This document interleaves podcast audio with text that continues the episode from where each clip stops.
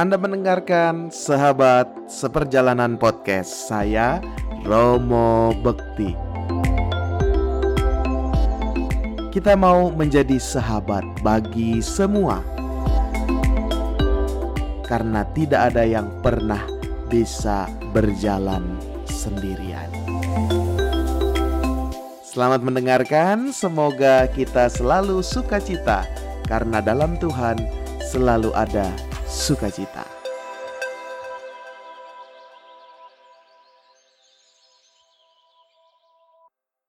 Halo, kembali lagi bersama saya Romo Bekti di Sahabat Seperjalanan Podcast dalam rubrik konsultasi iman. Ada yang bertanya, "Ngo, sekarang ini kan lagi tren ritual pembersihan diri." Pembersihan pikiran dan jiwa secara spiritual dan yang berita akhir-akhir ini itu mengatakan dan kita mendengarkan bahwa ada ritual pembersihan diri menghilangkan dari segala persoalan pikiran jiwa dari segala sakit dengan bertapa di laut selatan dan berujung malapetaka. Nah, apakah pembersihan ini sebagai ritual diperbolehkan dalam gereja Katolik? Oleh karena itu, kita akan menjawab bersama-sama. Dalam sebuah tradisi ada yang disebut sebagai ritual pembersihan diri supaya memperoleh kebaikan. Dengan biasanya media air karena air dianggap sebagai sarana pembersihan diri dan pikiran serta menghalau hal-hal negatif yang dapat merusak segala hal yang kotor sehingga dapat memulai kehidupan baru yang lebih baik. Kita sadari dalam diri kita itu pasti ada sesuatu yang kotor, paling tidak ada sesuatu hal yang negatif. Kelemahan kekurangan kita, ada pikiran-pikiran jahat, ada jiwa-jiwa yang terganggu. Tradisi ini dimaksudkan untuk membersihkan segala yang negatif itu agar orang kembali memperoleh keseimbangan. Dan biasanya berhubungan dan disatukan dengan alam. Adanya harmoni dengan alam sehingga merasa dibersihkan dan kembali menjadi baru. Sebenarnya tradisi ini terbuka untuk siapa saja, budaya mana saja pun punya ritual dan tradisi ini. Pandangan gereja Katolik dengan Konsili Vatikan II Nostra Aetate menyebutkan bahwa gereja Katolik sebenarnya tidak menolak apa yang benar dan suci dalam agama-agama lain, terutama dalam kepercayaan-kepercayaan lokal ya. Dengannya sebenarnya diperkaya gereja dengan budaya-budaya tradisi-tradisi itu. Tetapi pernyataan itu juga bisa membawa sebuah pertanyaan yang lebih dalam Sebenarnya apakah umat Katolik bisa mengikuti ritual pembersihan diri? Apalagi kini makin marak juga wisata-wisata rohani yang menawarkan pembersihan diri. Yang tidak saja diikuti oleh tradisi atau orang-orang dengan budaya itu, tetapi juga orang-orang dan tradisi dari yang bukan dari situ, ya. Dalam sejarah gereja abad 17-18 pernah terkenal apa yang disebut sebagai perdebatan ritus Cina mengenai altar pembujaan arwah nenek moyang.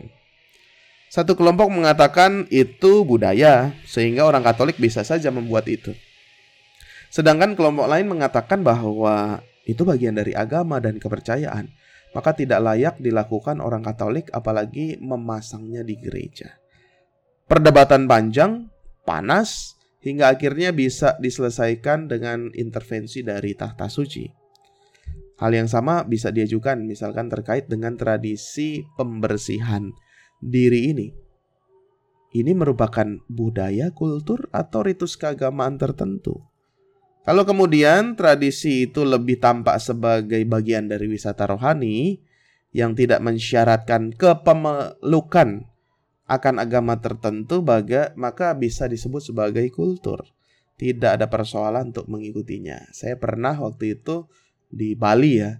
Kita ya di wisata rohani itu di pura itu diberi ditempeli beras lalu disiram-siram air tapi tidak mensyaratkan itu sebagai kepemelukan atau agama tertentu untuk mengikutinya. Maka kita menghormati tradisi itu dengan hormat dan senantiasa menghormati, menghargai. Tetapi di sisi lain, jika semua ritual pembersihan diri itu menuntut adanya pengakuan iman atau kepemelukan agama lain, maka sebaiknya dihindari untuk diikuti kehendak untuk melakukan dialog penghargaan dengan tradisi-tradisi agama lain ini tidak bisa dilakukan dengan merelatifkan atau menghilangkan keyakinan iman kita. Maka harus tetap, imannya harus tetap, tapi kita menghargai budaya tertentu itu.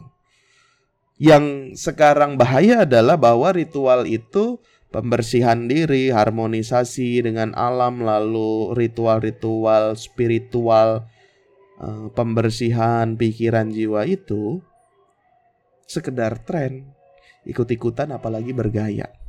Namun tidak tahu latar belakangnya, tidak tahu dasarnya, tidak tahu artinya dari budaya atau religiutas ajaran agama yang mempraktekkan ritual itu. Pada tahun 2003, Vatikan pernah mengeluarkan dokumen tentang refleksi akan New Age Dokumen tersebut kiranya bisa dipakai oleh kita sebagai pegangan untuk merefleksikan ritual tertentu dalam tradisi lain.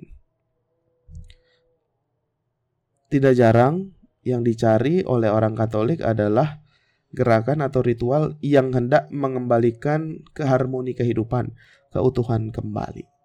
Banyak dari kita yang mengikuti itu, meditasi, yoga, eh, apa namanya, ruat ya pembersihan diri dan lain sebagainya. It's culture, it's culture. Jadi sekedar budaya kita menghormati budaya itu dan kita bisa ikut. Tetapi kalau sudah menjadi religiusitas, ungkapan iman dari agama-agama tertentu harus hati-hati. Karena apa? Kita semakin diingatkan bahwa yang memurnikan dan mengutuhkan kita bukanlah sebuah ritual atau upacara tertentu, melainkan pribadi Yesus Kristus. Dialah air hidup yang menyegarkan dan memurnikan kita. Oleh karena itu, kita bisa ikut budaya-budaya yang lain sebagai bentuk penghormatan dan penghargaan kita, tetapi harus kita sadari, kita tanamkan dalam iman kita bahwa yang memurnikan, yang membersihkan, yang membebaskan kita itu bukan upacara itu, bukan ritual itu. It's okay pendampingan psikologi, pendampingan diri, eh, pengolahan pikiran, pengolahan jiwa, spiritual harus tetap punya keyakinan bahwa yang menyelamatkan adalah Yesus yang telah sengsara wafat dan bangkit. Karena dialah air hidup yang menyegarkan dan memurnikan kita semua. Oke okay, guys, Thank you, semoga ini membantumu. Aduh, ritual pembersihan diri sebenarnya boleh nggak sih kita ikut? Ya. Kalau hanya sekedar budaya, silakan hormati itu. Tapi kalau sudah menuntut kepemelukan atau keyakinan iman, harus hati-hati. Karena yang menyelamatkan kita adalah Yesus Kristus. Thank you guys sudah mendengarkan podcast ini. Salam, sampai jumpa di kesempatan-kesempatan berikutnya. Tuhan memberkati.